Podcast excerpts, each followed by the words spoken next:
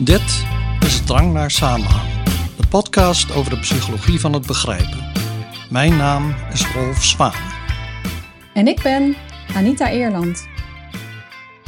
Ik kan me zomaar voorstellen dat mensen zich naar aanleiding van de vorige afleveringen twee dingen afvragen. Eén, of het ons gelukt is om al die tompoezen op te eten. Antwoord daarop Ja. is ja.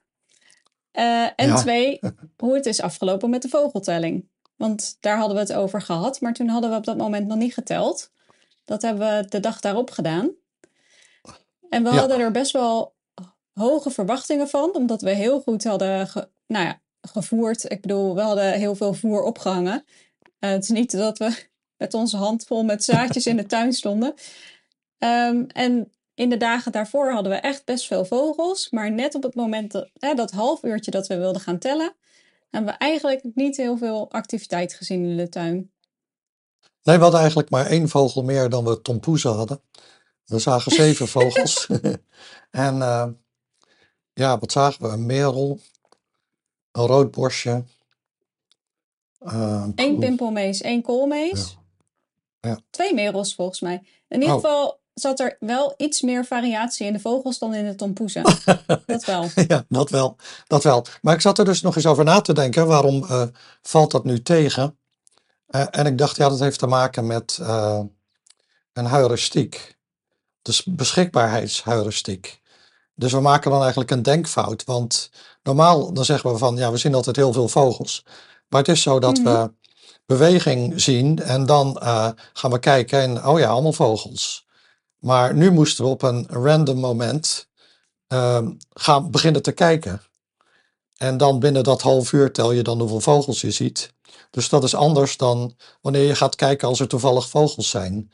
En als je alleen kijkt als er toevallig vogels zijn, wat we dus meestal doen, dan krijg je dus de indruk dat er heel veel vogels zijn op elk moment van de dag. Maar, maar dat is niet zo. Ja, ja, dus je zegt we missen eigenlijk de momenten waarop er weinig vogels in de Ja. tuin zitten. Daardoor denken Ja. we dat die er niet of veel minder zijn. Ja. En als we dan gaan tellen en het, het zijn er weinig, dan valt het dus tegen. Nou moet ik Ja, zeggen, dat klopt. wel, ik wou zeggen, we hebben een klein beetje vals gespeeld. Dat is niet zo, denk ik. Eh, je mag natuurlijk zelf weten welk half uur je pakt. We hadden Mhm. wel even gewacht met het begin, met beginnen te tellen. eh, tot het moment dat er een vogel in de tuin was. Dus eh, dan heb je die maar vast. Maar kennelijk was Ja. het niet zo dat als er één vogel in de tuin is, dat het dan vanzelf meer eh, worden. Nee. Nee, precies. Het is niet een eh, soort dat ze allemaal lunchpauze hebben op hetzelfde moment. eh, zoals Nou, soms lijkt het dus wel zo. Ja, Maar we Ja. hadden misschien ook niet het goede moment. Of ik weet niet, misschien was het iets met het weer. Ja, Ehm, ik heb in ieder geval geen boomklever gezien en eh, vink- geen vinkje en geen mus. En die zien we anders altijd wel. En eh, mm, de eekhoorn liet zich ook niet zien. En de specht kwam ook nee, niet op de pindakaas mochten af. we toch niet meetellen. Nee. nee, nee, nee. Het zou Ehm, wat zijn dat je dan ja. eh, je telling instuurt en dan erbij zet plus één eekhoorn. ja, dat je dan bonuspunten krijgt. Ehm, ja. Nou ja, je krijgt er sowieso geen punt voor. Maar het is jammer als je dan weinig hebt. Maar we mogen Ja. volgend jaar opnieuw. Ja, de herkansing. Maar nu even over naar het onderwerp van vandaag. Gezond verstand. Eh, ehm, Ja. Dat is een onderwerp, eh, ik vond daar een artikel over en het leek me een super interessant onderwerp. Want je zou denken, iedereen weet wel wat gezond verstand is. En voordat jij het artikel gelezen had, vroeg ik aan jou van, eh, kun jij wat voorbeelden geven van eh, gezond verstand? En weet je nog wat Mhm. je zei? Ja, ik zei zoiets als ehm, gezond verstand is iets wat iedereen kan bedenken als je gewoon logisch nadenkt. Ehm, Maar ja, Mhm. dat is natuurlijk geen voorbeeld. Eh, en dat zei je ook tegen mij, van ja, ik vroeg om Ja. voorbeelden. En volgens mij zei ik toen, ehm, nou ja, zoiets als niet zonder je jas naar buiten gaan als het koud is, bijvoorbeeld. Maar Mhm. nu denk ik ook, ja, bijvoorbeeld een logische volgorde aanhouden bij het doen van dingen. Dus eh, het is logisch dat je eerst je kleren uittrekt voordat je onder de douche gaat staan. Maar ook Mhm. als je bepaalde klusjes gaat doen in huis. Dat is dus nu voor ons weer actueel, omdat er allemaal mensen Ja. klusjes aan het doen zijn bij ons. Maar dat je eerst eh, dus de ja, stopcontacten en de schakelaars van de muur afhaalt als je de muur gaat verven bijvoorbeeld. Uh, Ja, of als je dat niet doet, dat je ze netjes afplakt. Dus ja, dat. Maar ik vond het eigenlijk best wel een lastige vraag. Want je moet ineens gaan nadenken over iets wat eigenlijk vanzelfsprekend is. nou ja, ik moest eigenlijk ook nog even denken aan, eh, nu het zo had over stopcontacten, aan elektriciens. Want voor mij is gezond verstand van dat je eerst kijkt, als je ergens gaat boren, of er geen leidingen in zitten. Maar de elektricien zei, oh, dat doe ik nooit, want het gaat altijd goed. Dus dat vond ik dan wel op zich ja. grappig. Hij Ja, zei, eh, ja, terwijl hij ehm, met een boor een gat in het plafond maakte van... Nee hoor, is altijd goed gegaan. ja. Maar goed, dat voor mij was dat dus common sense om dat wel te doen. Dat is dus het Engelse begrip common sense, Ja. of het eh, eh, Franse begrip sens commun. En eh, nou ja, dat geeft al aan dat, eh, dat er dus verschillen zijn in, tussen talen. Frans en Engels dan hetzelfde natuurlijk, maar Nederlands wel anders. Ik vind gezond verstand wel iets anders klinken dan common sense of sens commun. Want sens commun en common sense geven aan algemene kennis. Het geeft iets aan, iedereen heeft het. Gezond Mhm. verstand is meer zoiets van, als je dit eh, niet doet of begrijpt, dan heb je een zieke geest. Is dan een beetje de implicatie. Dus ik vind gezond verstand iets andere connotaties hebben dan eh, common sense. En het artikel wat wij bespreken gaat eigenlijk meer over common sense. Hoe algemeen is nu eigenlijk die kennis? Gaan we het wel gezond verstand noemen? Ja, we gaan het wel gezond verstand noemen, want dat is de officiële vertaling volgens mij. Nou zou je denken van, eh, er is vast wel weer een filosoof die eh, heeft nagedacht over gezond verstand. En ja hoor, Mhm. verschillende. En een daarvan was de 18e eeuwse Schotse professor James Beattie. En die gaf een aantal voorbeelden van wat hij dan als gezond verstand beschou- beschouwde. Ik noem er een paar uit zijn lijst. Dus de eerste is ik besta. En dan de tweede is dingen die gelijk zijn aan één, één en hetzelfde zijn gelijk aan elkaar. Dus als eh, A gelijk is aan B en eh, C ook gelijk is aan B, dan zijn A en C ook gelijk. Is hoe ik dat eh, Mhm. begrijp. Een andere is de zintuigen kunnen worden geloofd. Een andere is de grond waarop ik sta is hard, eh, solide en heeft een echt, afzonderlijk, onafhankelijk bestaan. De volgende Ja, is, dit is allemaal al best wel filosofisch. ja, de volgende is, ik heb een ziel die losstaat van mijn lichaam. En dan eh, is er ook een, dat is deugd en ondeugd zijn verschillend. Zo ook hitte, kou, rood en wit, een os en een ezel. En verder dan nog waarheid bestaat. Hmm. Nou is er toch een beetje een ratje toe van dingen, vind ik. En vinden ook de onderzoekers van het artikel dat we gaan bespreken. Want eh Beatty verwart allerlei verschillende categorieën van beweringen. Hij, hij heeft bijvoorbeeld, eh, in zijn lijstje heeft hij wiskundige waarheden. Eh, dus iets anders wat hij noemde was, de driehoeken van een driehoek zijn gelijk aan twee rechte hoeken. Hè, want een driehoek, Mhm. de driehoeken bij elkaar zijn 180 graden. Twee rechte hoeken is 2 keer 90, is ook 180 graden. Eh, en, en heeft hij ook in zijn lijst logische definities. Het geheel is groter dan een deel. Elk effect heeft Mhm. een oorzaak. Maar hij heeft het ook over empirische beweer- beweringen over de objectieve werkelijkheid. De zon zal morgen opkomen. Zeggen de onderzoekers. Ja. Ik vind dat trouwens meer subjectief, want opkomen is ten opzichte van een persoon die het waarneemt. De zon komt niet echt op. Maar goed, anyway. Eh, subjectieve werkelijkheid. Ik ben hetzelfde wezen vandaag als ik gisteren was, of zelfs twintig jaar geleden, of eh, eh, ik besta, dat soort dingen.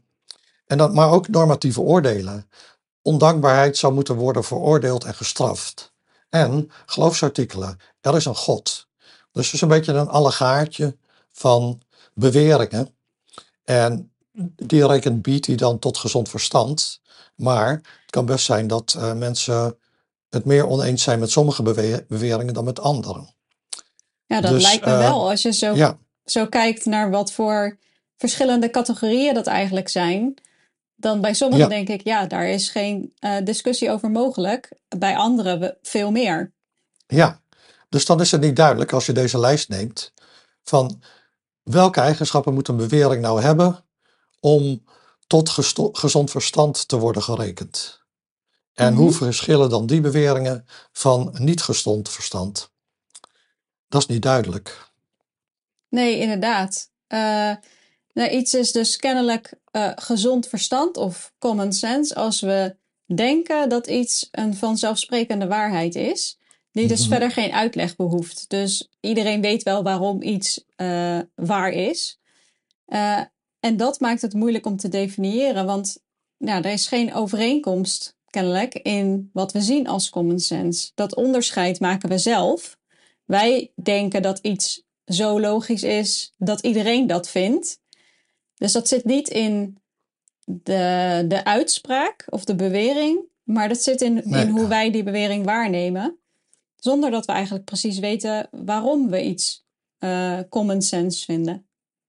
Ja, dat klopt. Nou ja, dan is ook de vraag van, of is het dan echt zo dat al die beweringen even gemeenschappelijk zijn? Hè? Common, common sense. Ehm, en Voltaire, die had dus al in de tijd ook gezegd van, eh, ja, dat, dat is dus helemaal niet zo. Le sens commun n'est pas si commun. Dus het gezond verstand is helemaal niet zo gezond. Of het common sense is helemaal niet zo common. Hè? Want iedereen Ja, zal het er wel over eens ja, iedereen zal het er over eens zijn dat eh, de zon morgen zal opkomen. Maar Mhm. ja, eh, ook al in de tijd van Beatty wa- was de bestaansgrond van God en de ziel eh, niet universeel aanvaard. Er waren genoeg mensen die daar niet in geloofden. Dus als dat een bewering van gezond verstand zou moeten zijn, of dus van eh, common sense, dan zou iedereen het daarmee eens moeten zijn. Maar dat is dus niet zo. Dus Mhm. eh, is het überhaupt wel mogelijk om beweringen te vinden die algemeen gedeeld worden? En daar gaan we het dus vandaag over hebben. Ja, en wat is dan het basisidee van de onderzoekers van wie we het artikel bespreken? Dat is dat het concept van gezond verstand berust op een circulaire redenering. Dus iemand noemt iets gezond verstand. Als iemand anders het er niet mee eens is, dan zeg je, die is het er niet mee eens, want die heeft geen gezond verstand. Ja, En dat is, ja, nou ja, zij willen die cirkelredenering dus doorbreken. ja. ja want als er bijvoorbeeld jij zegt van eh, eh, God bestaat, en dat is toch gezond verstand, en dan zeg ik nee, God bestaat niet, en dan zeg jij, jij hebt geen gezond verstand. En dat is de, Ja, die circulaire redenering. En volgens mij is dat een voorbeeld van wat ze noemen de True Scotsman fallacy. Daar hadden we volgens mij eerder een aflevering over gemaakt.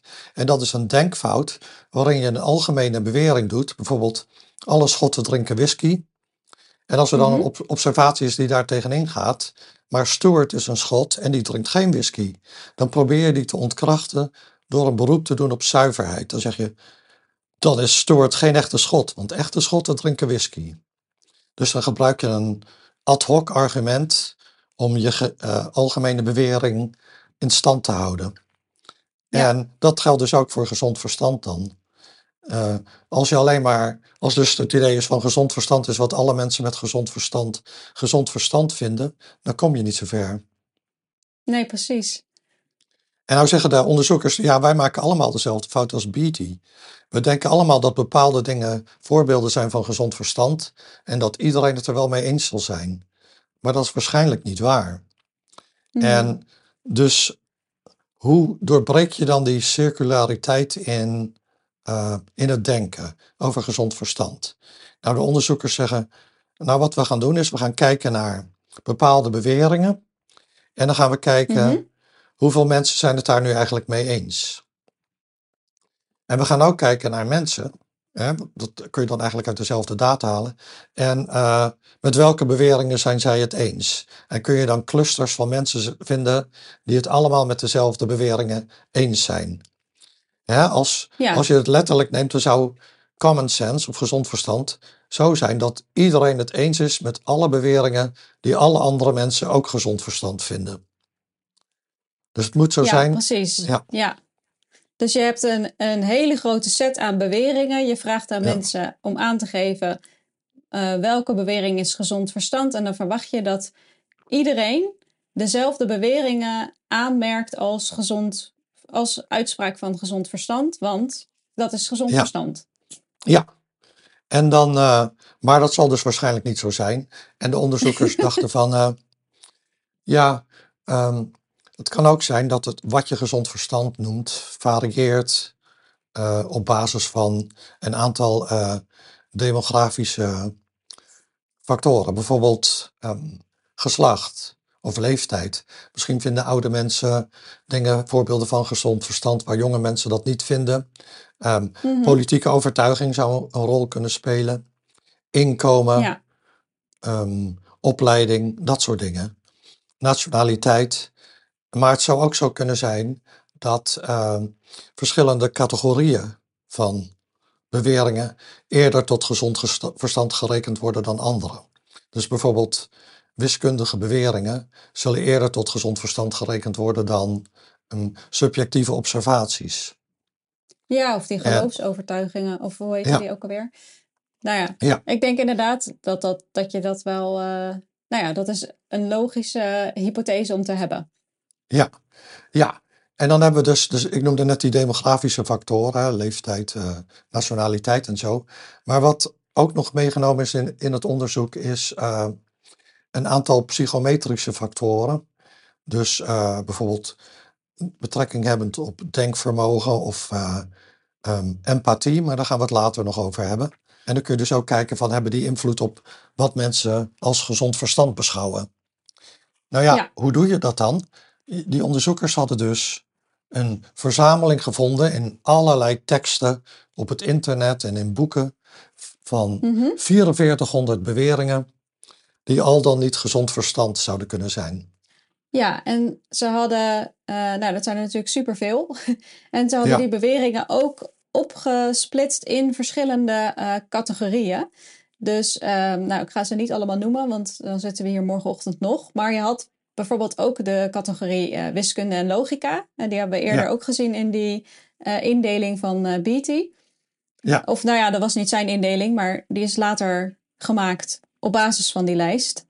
Ehm, en de categorie wiskunde en logica bestond uit de redenering als eh 1 plus 1 is 2. Ja, logisch.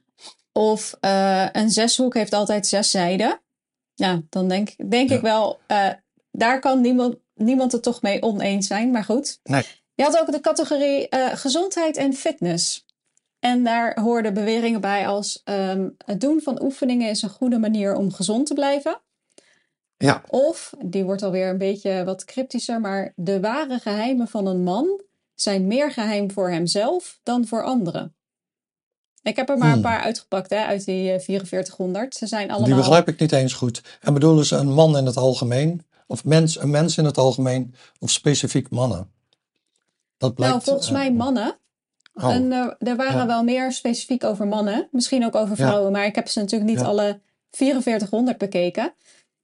Als je dat wel wil, dan kan dat. Want eh, de onderzoekers hebben alle beweringen die ze hebben gebruikt eh, gewoon beschikbaar gesteld. Of te- ja, beschikbaar gesteld. Iedereen kan die inzien. eh, Ja. Als je dat wil. Er staat een link in het artikel naar de database van al die beweringen. En nog een aantal andere beweringen om gewoon aan te geven hoe, hoeveel variatie er eigenlijk was. Een naald is scherp. ja. Mm, Daarvan dacht ik, dat zou ik zelf denk ik niet zo zeggen. Ik zou niet scherp denk ik zeggen, maar ehm, ja, Oh. ik weet niet wat, wat dan wel. Ik- maar ik vind het, vond het een beetje gek. Even kijken. Eh, een echtgenoot is iemand die het zegt als je te veel lippenstift op hebt. Die vond ik ook wel leuk. Dat is misschien nog wel waar zijn. Ja, weet ik niet. Ik heb nooit lippenstift op. Ik zou het anders wel zeggen als het te veel was. Dat wel, ja. Eh, maar het kan ook best zijn dat iemand anders het ook zou zeggen. Ehm, maar goed. Ja, en dat hoeft dan niet je een echtgenoot te zijn, maar goed. Eh, Ja. Of de mening van een advocaat is niet wa- niets waard totdat je ervoor betaalt. Hm. Eh, behoefte aan informatie maakt dat je het internet op wil gaan. Ja. Niemand wil een gebroken vinger. en een laatste voorbeeld dat ik eruit heb gehaald is: eh, een theorie is geen feit. Nou, Ja. best wel gevarieerde beweringen zou ik zeggen. Ja, ik zit nu te denken, ik had deze nog niet eerder gezien, maar je kan steeds wel een context ehm, verzinnen waarin de bewering onwaar is. Stel je voor dat je wordt eh, aangehouden of, eh, door een groep gangsters en die zeggen van, je kan kiezen, we breken je been of een vinger. Dan zou ik toch wel liever een gebroken vinger willen. Dus, ehm, dus het is, Ja, eh, als er verder niks met je gebeurt versus een gebroken vinger, dan heb je liever een gebroken vinger. Ik zeg dat niet alleen gekscherend. Wat ik er ook mee bedoel is dat dat een, een zekere beperking van het onderzoek is. Hè? Want de proefpersonen moeten beoordelen van, is dat nou gezond verstand of niet? Maar je kan altijd wel een context verzinnen waarin zoiets niet gezond verstand is. Ja, ik als je weet, je best ik doet. heb, ja, Ja. ik denk dat de instructies wel zo zijn dat je ja, van de meest gebruikelijke situatie of zo uit moet gaan. Dus niet Ja, eh, dat je ja. bent eh, ontvoerd door gangsters die of je vinger of je been willen breken. Nee, nee, maar op, nou ja, ik moet zeggen, mijn ervaring leert wel dat proefpersonen zich dus niet zo goed aan instructies houden vaak. Eh, Mhm. hoe hoe Ja, en expliciet de instructies ook zijn, dat maakt de data een beetje ruizig, denk ik. Oké, ehm, van die 4400 beweringen ehm, die ze hadden, wilden ze dus weten in hoeverre mensen dachten dat die berusten op gezond verstand. En ze hebben meer dan 2000 proefpersonen ehm, dat laten aangeven voor die beweringen. Nou was het natuurlijk niet zo dat eh, elke proefpersoon die 4400 beweringen zag. Daar word je denk ik echt helemaal eh tureluurs van. Maar ze kregen er, elke proefpersoon kreeg er 50. 50 willekeurig geselecteerde beweringen uit die set van 4400. Zodat ze uiteindelijk dus voor elke bewering ongeveer evenveel mensen hadden die die bewering hadden beoordeeld. En ze moesten ehm, aangeven of ze nou ja, zelf dachten dat die bewering berustte op gezond verstand. Maar ook of ze dachten dat de meerderheid van de mensen het eens zou zijn met het idee dat die bewering berustte op gezond verstand. Mhm. Dus dan kun je kijken eh, voor de verschillende statements. Zijn er nu, of beweringen, zijn er nu beweringen waar de meeste mensen het over eens zijn, of, of iedereen, dat dat gaat over gezond verstand? En je kunt ehm, kijken ja, of, of mensen goed kunnen ja, inschatten wat de, ehm, de meerderheid van de mensen vindt. Ja, Oké, nou, wat eh, vonden de onderzoekers? Als je kijkt naar alle beweringen en dan naar hoe vaak een bepaalde bewering als gezond verstand werd gezien, dan werd er gevonden dat beweringen die eenvoudig waren verwoord, meer werden Mhm. geaccepteerd als gezond verstand. Ehm, er waren wel grote verschillen in. Ja, acceptatie is dan dus als mensen zeggen: ja, deze bewering is gezond verstand. En over het algemeen was het zo dat eh, hoe objectiever eh, de bewering was, hoe vaker die werd geaccepteerd als gezond verstand. Dus er was bijvoorbeeld meer acceptatie voor eh 1 plus 1 is 2 dan voor eh, de mening van de advocaat is niet, niets waard tot je ervoor betaalt. En Mhm. ook feitachtige beweringen, dus dat is ook weer 1 plus 1 is 2, werden vaker geaccepteerd dan meningen. Dus misschien dat van Mhm. een goede echtgenoot zegt dat als je te veel lippenstift op hebt. ja, En als we dan kijken in meer detail naar de resultaten, dan vonden ze dat eh, letterlijke beweringen meer werden gezien als gezond verstand dan figuurlijke beweringen. Mhm. Dat positieve beweringen, en dat zijn dan beweringen over dingen die er zijn, meer werden gezien als gezond, gezond verstand dan normatieve beweringen. Dus beweringen over hoe dingen zouden moeten zijn. Dat is natuurlijk ook meer een mening, denk ik. Mhm. En simpele eh, observaties werden meer gezien als bewering van gezond verstand dan beweringen waar nog een redenering aan hing. Dus waar je nog een extra eh, denkstap eigenlijk moet maken. Eh, en tot slot, observaties over alledaagse dingen werden meer gezien als gezond verstand dan abstracte beweringen. ja, en dan kun je natuurlijk eh, niet alleen kijken per bewering wat mensen ervan vonden. En dan Mhm. de beweringen met elkaar vergelijken. Dus deze bewering, daar was 20% van de mensen het mee eens. Eh, hè, die vonden dat gezond verstand. Deze bewering 10% enzovoort. Eh, maar je kunt ook mensen met elkaar gaan vergelijken. En je kunt dan kijken naar, als ik dus bijvoorbeeld zeg van ja, deze bewering vind ik gezond verstand. Een driehoek Mhm. heeft eh, drie zijden. Dan kun je kijken van, eh de vragen ze, de onderzoekers vragen dan van, denk je dat de meerderheid het met jou eens is? Mhm. Dat- voor elke bewering moesten de proefpersonen zeggen van, denk je dat de meerderheid het met jou eens is? Ja. En wat er gevonden werd was eh, ja, het, het valse consensus-effect. Dus mensen overschatten in hoeverre andere mensen het met ze eens zijn.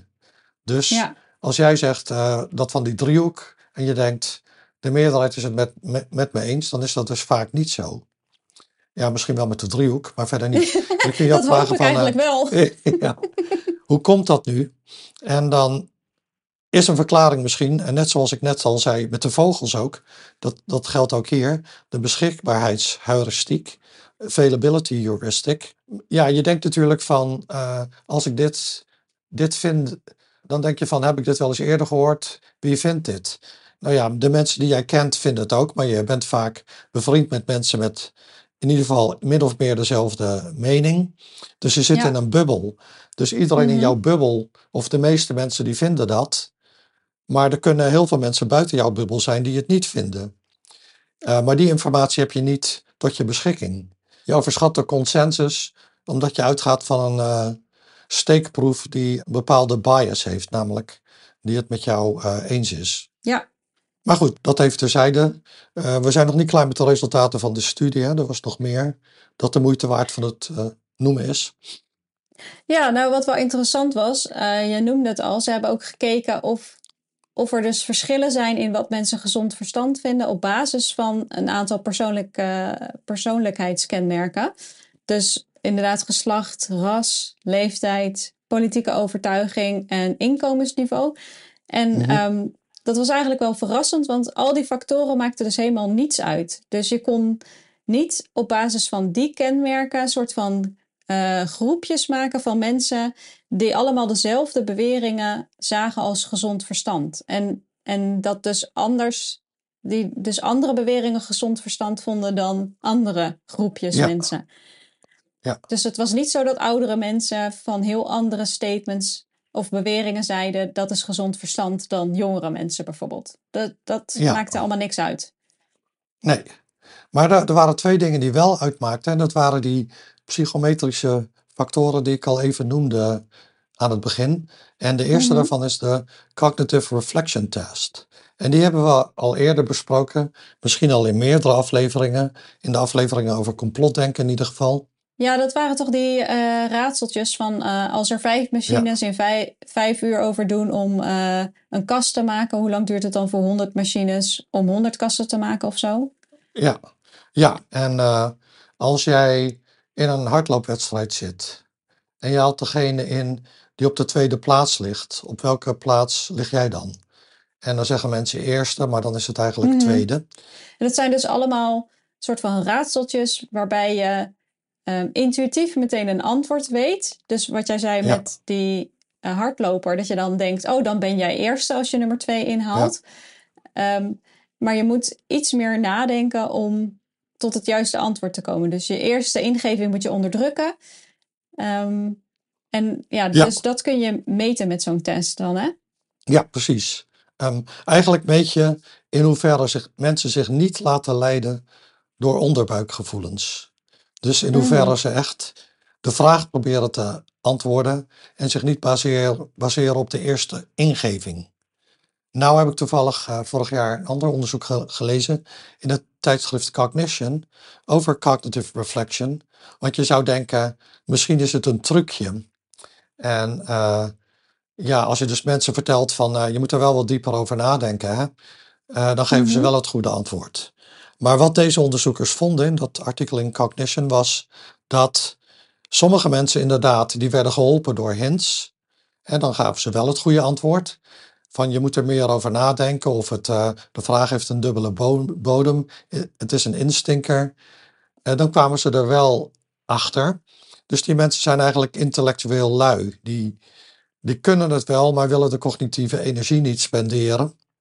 Mhm. Maar er waren ook mensen in die experimenten die, zelfs als je ze over een kop sloeg, nee, dat is Engels, eh, hitting over the head, met, eh, met voorbeelden en eh, instructies, dan konden ze het nog steeds niet. Dus er zijn mensen, ja, dat werd in dat artikel, fietsten ze daar een beetje voorzichtig omheen, maar ze bedoelden eigenlijk te zeggen, die mensen kunnen die problemen gewoon niet oplossen. Die, ehm, die, die hebben de cognitieve machinerie niet om die problemen op te lossen, zelfs niet als ze hints krijgen. Dat bleek een beetje uit dat onderzoek. Dus er En- zijn verschillende groepen mensen ehm, die, die dus de antwoorden niet goed hebben. Uh. Sommigen kunnen het wel, maar doen, het- doen het niet. En anderen kunnen het gewoon niet. En ik denk dat die laatste groep vooral anders is dan de rest. Maar betekent dat eigenlijk voor die test dat als je die wil gebruiken, dat je dan dus altijd mensen moet eh, aanmoedigen om er goed over na te denken? Omdat je anders, omdat Ja, je dan dat zou- pas de verschillen krijgt die er zijn tussen mensen. Ja, of je kan het in verschillende fases doen. Dus eerst doe je het zonder aanmoediging. En dan geef je voor degenen die het niet goed hebben nog een aanmoediging. En, nou ja, en zo heb je dan drie groepen. Maar dat, dat, eh, dat is nu nog niet gedaan in het onderzoek waar we het nu over hebben. Hè, met die eh, Mhm. statements die beoordeeld moesten worden. Desondanks, ondanks deze beperking van die, eh, van die cognitive reflection test, werd toch gevonden dat hoe hoger mensen scoorden op die test, dus hoe minder ze Mhm. zich lieten leiden door onderbuikgevoelens, hoe meer ze het eens waren met de meerderheid. Met wat dus eh, gezond verstand is. Ja, die persoonlijke kenmerken ehm, hadden geen effect, maar hoe mensen scoorden op die cognitive reflection test wel. En ze hadden nog een andere eh, factor die belangrijk was voor de resultaten. En dat is, ja, hebben ze gemeten met een eh, ja, RME-test. Ik moet zeggen dat ik die test zelf niet ken, Ja. maar dat is een test om te meten hoe goed iemand de emoties van anderen kan lezen. Wat zij vonden was dat ehm, hoe beter mensen de emoties van anderen konden inschatten, dus hoe hoger ze dan scoorden op die test, hoe meer gezond verstand ze hadden. Dus ook hoe meer ze het eens waren met eh, de meerderheid. En het verband tussen gezond verstand en empathie was sterker dan tussen gezond verstand en eh, ja, logisch redeneren. Dus wat ze met die cognitive reflection taak eh, hadden gedaan. Dat zijn die twee psychometrische factoren waar ze naar hadden gekeken. Maar nu kun je ook nog op groepsniveau naar de data kijken. En wat daarbij dus opviel is dat voor geen van de ruim 2000 proefpersonen het zo was. Dus elke proefpersoon beoordeelde maar 50 beweringen. Dus ze stemden niet in 100% van die keuzes overeen met de meerderheid. Dus dat geeft wel aan dat, eh, ja, dat algemene of, eh, common sense dus niet zo common is zoals eh, eh, Voltaire dus al zei. Ja, Dus dat vind ik wel nou ja, een mooie bevestiging van, van dat idee. Ehm, nou is natuurlijk ja, elk onderzoek onderhevig aan beperkingen. Hier is, vind ik, een beetje een beperking dat ze hebben gekeken naar beweringen, maar niet naar redeneerprocessen. Als ik denk aan gezond verstand, gebruik je gezond verstand, dan is dat niet alleen ehm, het eens zijn met een bepaalde bewering, maar het is ook bepaalde redeneringen kunnen uitvoeren. Als dit gebeurt, dan, eh, dan gebeurt dat. Als dat niet gebeurt, dan gebeurt dat, enzovoort. En dat is niet echt onderzocht hier. En wat ik dus ook wel grappig vond, ik zat de term gezond verstand nog even te googlen.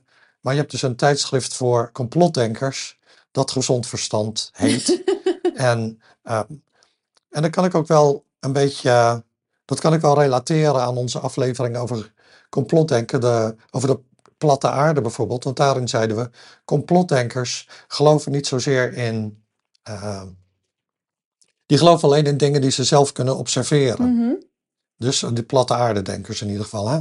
Als ze het niet zelf kunnen observeren, dus bijvoorbeeld eh, de maanlanding, dan is die niet echt, dan is het in scène gezet enzovoort. Ehm, en dat noemen zij dan gezond verstand. Als, het, als je het zelf zo kunt zien, dan gebruik je je gezonde verstand. Anders is het eh, niet te vertrouwen. Maar goed, dus, dus dat tijdschrift. En het was ook zo in de tijd rond corona dat eh, Rutte en de Jong de hele tijd zeiden dat we ons gezond verstand moesten gebruiken. ja. Weet je wel, eh, met afstand houden en, en dat soort dingen. Dus gezond verstand, dat zou eigenlijk nog wel een interessant onderzoek zijn.